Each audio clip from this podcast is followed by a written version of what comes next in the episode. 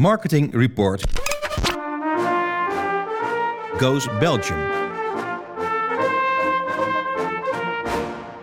We zijn te gast bij Joe Public in Antwerpen. We hebben het over de President of Advertising. Naast mij zit Pieter Staes en tegenover mij zit Sarah Jacobi. Verantwoordelijk voor Corporate Communications eh, bij het Rode Kruis. Fijn dat je hier bent. Zou je jezelf willen voorstellen aan de luisteraars? Met plezier. Ik ben dus ja, Sarah Jacobi. Uh, ik ben gepokt en gemazeld in de communicatiesector. Um, dat is een beetje al begonnen als kind. Was ik heel een tijd aan het lezen, schrijven, radiospotjes aan het schrijven, boekjes, mopjesboekjes aan het maken. En dan vervolgde er meestal ook wel nog een verkoopverhaal daarbij. Dan uh, liep ik van deur tot deur uh, daarmee te leuren. Dus in plaats van spelen met poppen was je gewoon eigenlijk ja, al volop in de reclame. Ja. ja. Wat schitterend. Ik, ja, en ik heb me dat toen nooit gerealiseerd, maar uh, toen ik eens zo in een, in een crisismoment bedacht um, van wat ga ik nu de rest van mijn leven doen, gaf er mij iemand de wijze raad. Je moet je afvragen wat je als kind leuk vond om te doen. Want dat is eigenlijk waaruit dat je een intrinsieke motivatie haalt. En toen heb ik dat allemaal opgelijst en uh, heb ik ook een doos gekregen van mijn uh, moeder die alles had bijgehouden wat ik als kind ooit uh, oh, ja. had bijeen uh, verzameld zelf. En daaruit bleek dus, ik was dat zelf vergeten, maar dat, die herinneringen kwamen alsmaar meer terug.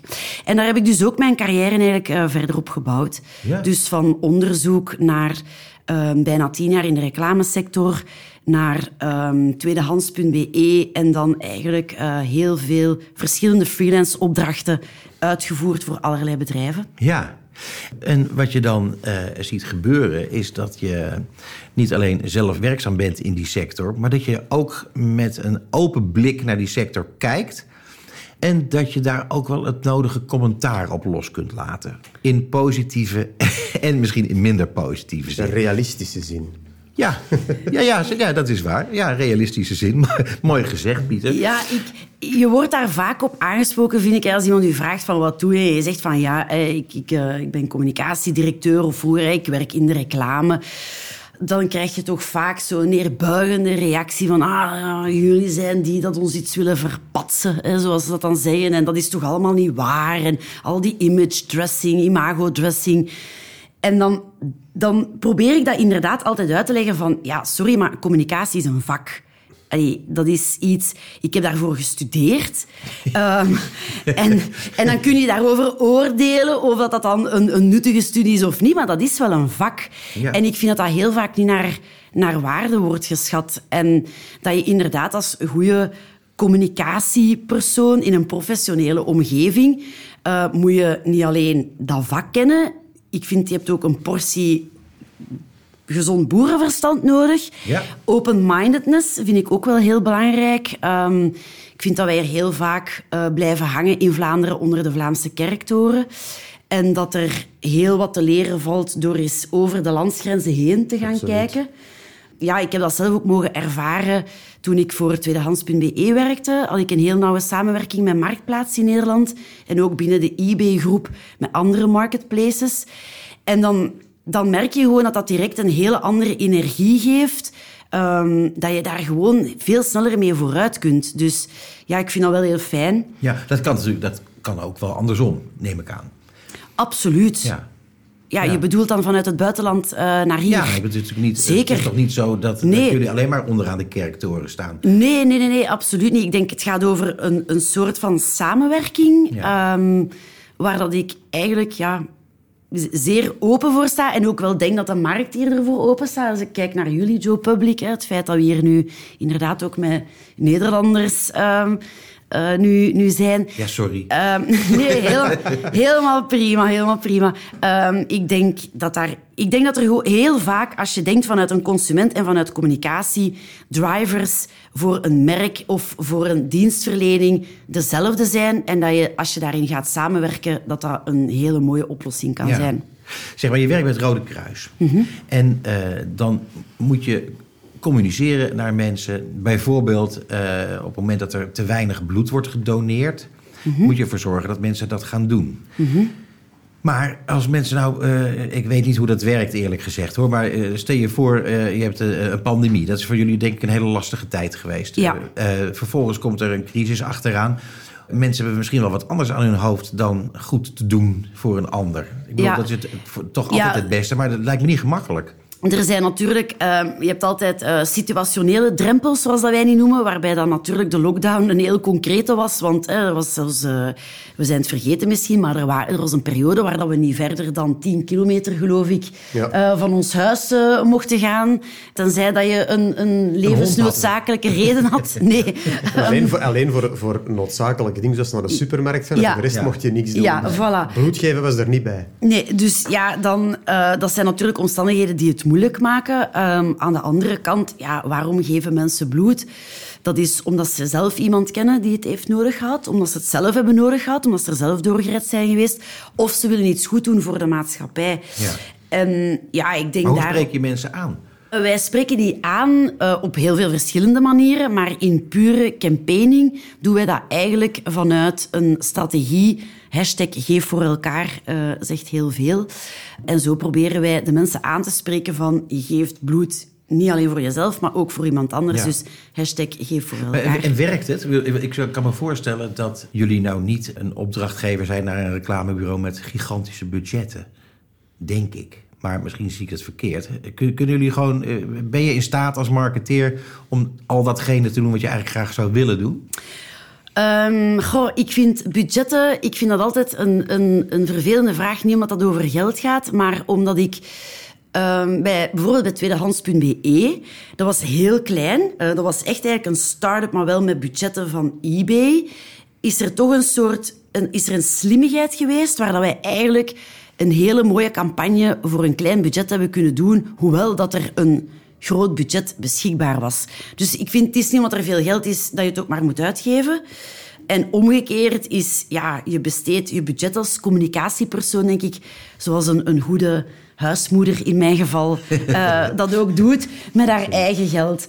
Ja. En in het geval van, van bloed is het ook wel, als ik me goed herinner toch, dat, dat, ehm, dat bij bloed, dat is niet één campagne en we halen heel veel bloed op. Want ja, bloed blijft niet goed. Nee. Je kan dat niet opslagen in een warenhuis en we hebben voor tien jaar bloed. Nee. Dus dat is een bijkomende uitdaging dan, dan Ja. om dat budget geregeld te krijgen en de lange termijn. En hoe doe je dat dan als je ja, zo, zoveel onzekerheid dat er nu is hè, in de samenleving vandaag, met eh, crisis, met eh, wat er allemaal gaande is in de wereld, van ja, anticiperen op wat er nog allemaal aankomt.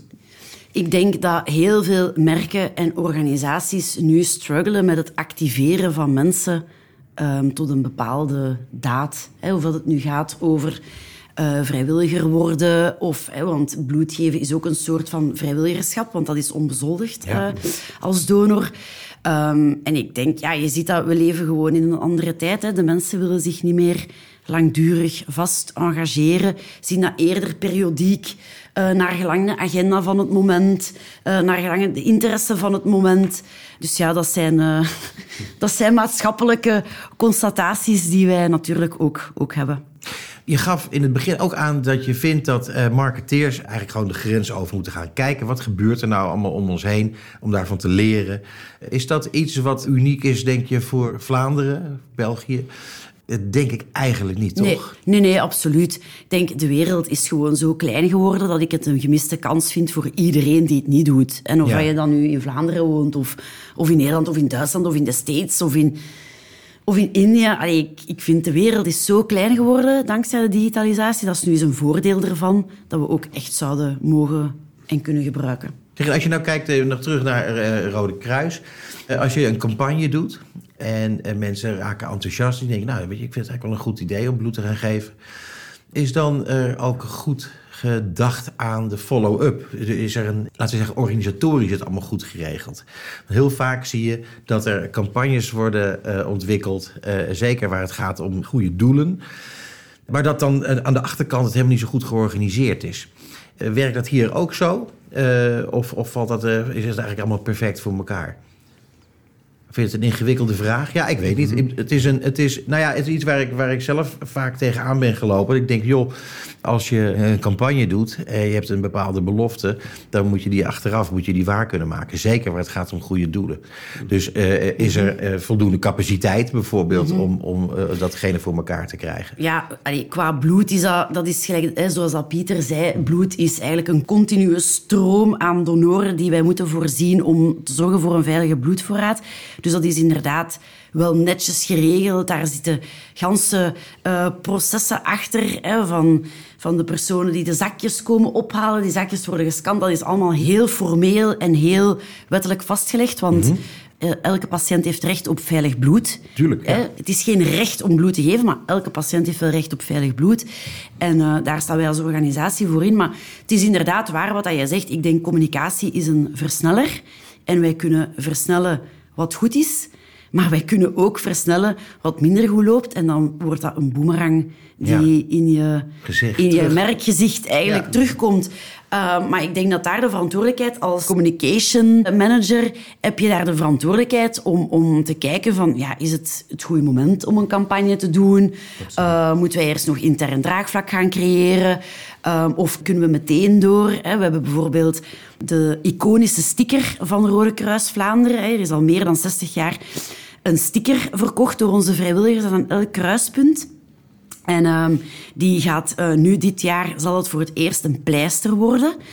Dat is een traject, daarmee zijn we niet overnight, is dat niet beslist geweest. Daar zijn de vrijwilligers bij betrokken, Ja. want zij staan in voor de verkoop. Het is ook een fondsenwerving voor hun lokale afdeling. Dus het is ook maar normaal uh, dat we hun buy-in daarvoor meekrijgen. Maar eens dat dat dan rond is, dus dat is een pertinente vraag en traject om op voorhand te doen, maar eens dat dat dan rond is, ja, er bestaat ook wel zoiets als eindigheid aan een democratie, denk ik. Uh, dan is het uh, ja. de verantwoordelijkheid van de communicatieafdeling om te zien dat je daar jouw externe communicatiekanalen volledig op afstemt, uh, dat je daar een groot persbereik mee krijgt, dat die vrijwilligers zich ook gedragen voelen op het moment dat zij dat gaan verkopen. Ja. Zijn al die vrijwilligers zijn die trots op het merk Rode Kruis? Ja, ik denk het, het, Rode, het Rode Kruis, zoals hij het zegt, hè, ja. is natuurlijk is wereldbekend. Is een, is een uh, instituut. Is een instituut, is een gigantisch, groot en geliefd merk. Ja, dus ik denk dat wij een van de, van de weinigen, zo niet de enige zijn, die wereldwijd zo vertakt zijn. Want elk land heeft dan zijn eigen uh, Rode Kruisafdeling. En ook in de werking toe ja, biedt dat wel best voordelen. Eigenlijk, er zijn nu twee medewerkers van bij ons gedetacheerd naar het conflict in Oekraïne. Oh. Um, dat is natuurlijk, dat gebeurt omdat Rode Kruis uh, Duitsland en Denemarken daar al waren voor de start van het conflict. En dan kunnen die eigenlijk heel makkelijk in die werking daar ingeschoven worden. Want iedereen is van het Rode Kruis. Ja, en, ja. en dat staat voor een bepaalde standaard. Ik denk dat het maatschappelijke vertrouwen van dat merk ook gigantisch is. Hè. Dat, is, dat, is Ja. dat is een valuta dat je hebt als merk bij het Rode Kruis dat andere goede doelen alleen maar van kunnen dromen. Hè. Ja, Zo de achterdocht dat er, dat, er tegen, dat er soms tegenwoordig naar andere goede doelen soms kan gebeuren. Ik vind vaak heel onterecht, maar dat is dan mijn persoonlijke mening. Mhm. Maar dat is iets waar ik dan denk dat het Rode Kruis geen last van heeft. Of toch veel minder. Ja, we hebben daar natuurlijk, of ja, we zijn daar eh, bij de overstroming in Wallonië wel tegenaan gelopen, helaas, omdat we daar toen onze rol niet hebben mogen spelen. Maar um, ja, door de band genomen, nee, is het imago geen probleem. Nee, hè? Sterker nog, ik denk dat als je met, met, met eh, zoiets, hè, het uitzenden van mensen naar in dit geval Oekraïne, dat dat een heel mooi item is om te laten weten aan de mensen wat je dan uh, Ja. iets doet wat eh, zeer actueel is en buitengewoon sympathiek en uh, ongelooflijk belangrijk. Ja, maar da daar merken we wel van, dat is eigenlijk voor iedereen anders. Hè. Dus wij hebben ook um, een, een uh, legate afdeling en daar bevragen wij ook van waarom, hè, waarom geven mensen eigenlijk hun legaat. En dan merk je dat dat toch ook heel vaak heel verschillende redenen zijn. Dat zijn ook prachtige verhalen. Van iemand die vertelt, ja, mijn opa is in de oorlog gered geweest, verstopt geweest door iemand van het Rode Kruis en daar blijf ik jullie voor altijd dankbaar voor. Ja. Tot iemand die zegt van, voilà, ik heb een levensbedreigende operatie moeten doen, ik ben daar alleen maar uh, doorgekomen doordat jullie zorgen voor voldoende bloed. Uh, Ja, dus dat zijn, dat, iedereen heeft daar zo'n beetje. En dat is natuurlijk omdat er een ongelooflijke rijkdom is aan activiteiten van Rode Kruis Vlaanderen. Hè, want je spreekt over vrijwilligers en bloed, maar wij werken ook samen met Fedalziel over voor de opvang van uh, mensen die bescherming vragen hier in België. Hè, uh, asielzoekers. Dus ja, daar is zo'n ongelooflijke rijkdom dat iedereen daar zijn eigen gading of Ja. uh, in kan Een vinden. Ja, ja. Ja. Zeg even dan eh, resumerend. Dan hebben we eh, boerenverstand, dat hebben we gehad. Gezond boerenverstand. Ja, gezond boerenverstand. Ja, ja, sorry. Gezond boerenverstand, dat hebben we, kunnen we afvinken. Ja. Eh, professionaliteit kunnen we afvinken. Ja. Dan open-mindedness, dat kunnen we ook afvinken. Ja. We hebben het eigenlijk zojuist gehad over inlevingsvermogen. Ja. Ja. En dan hadden we nog eh, het bold denken. Ja, eigenlijk. Ja, ik vind, ik vind ook dat een goede marketeer of communicatiepersoon bold moet durven denken. En ik ga al een tijdje mee. Hè. Eh, Ik ben nu 45. En het valt mij wel op dat, ondanks dat er zoveel kan... En, en zelfs ook eigenlijk best wel veel zelfs goedkoop kan. Hè. We, we hebben allemaal onze digital tools om bij wijze van spreken zelf hier nu een videootje te maken. Ehm, vind ik dat... Ja, er kan zoveel en meer dan ooit verstoppen we ons achter... Ja, maar het mag niet. Of het kan niet. Ik vind compliance werkelijk een verschrikkelijk woord. Dan gaan mijn haren recht. Ehm, en ergens begrijp ik dat wel, maar ik vind wel dat we het aan onszelf en aan ons vak verplicht zijn om die durf... En ook de humor, die ik heel vaak eh, mis, om dat terug te brengen. Want dat geeft mensen een goed gevoel. En wie kan er nu iets hebben tegen een goed gevoel krijgen van iets? En als ik dan denk aan hoe dat ik vroeger als kind met plezier de straat overstak om naar de reclameblokken te kijken op Nederland, want dat was gewoon vijf minuten lachen, dat was een programma op zich. Dan heb ik mij wel, ja, toen ik hier, eh, hier klaar zat voor deze podcast, met de vraag gesteld van... Allee, hoe fantastisch zou het nu wel niet zijn dat mijn kinderen dat eigenlijk ook doen. In plaats van tegen mij te zeuren dat ik in de reclame werk.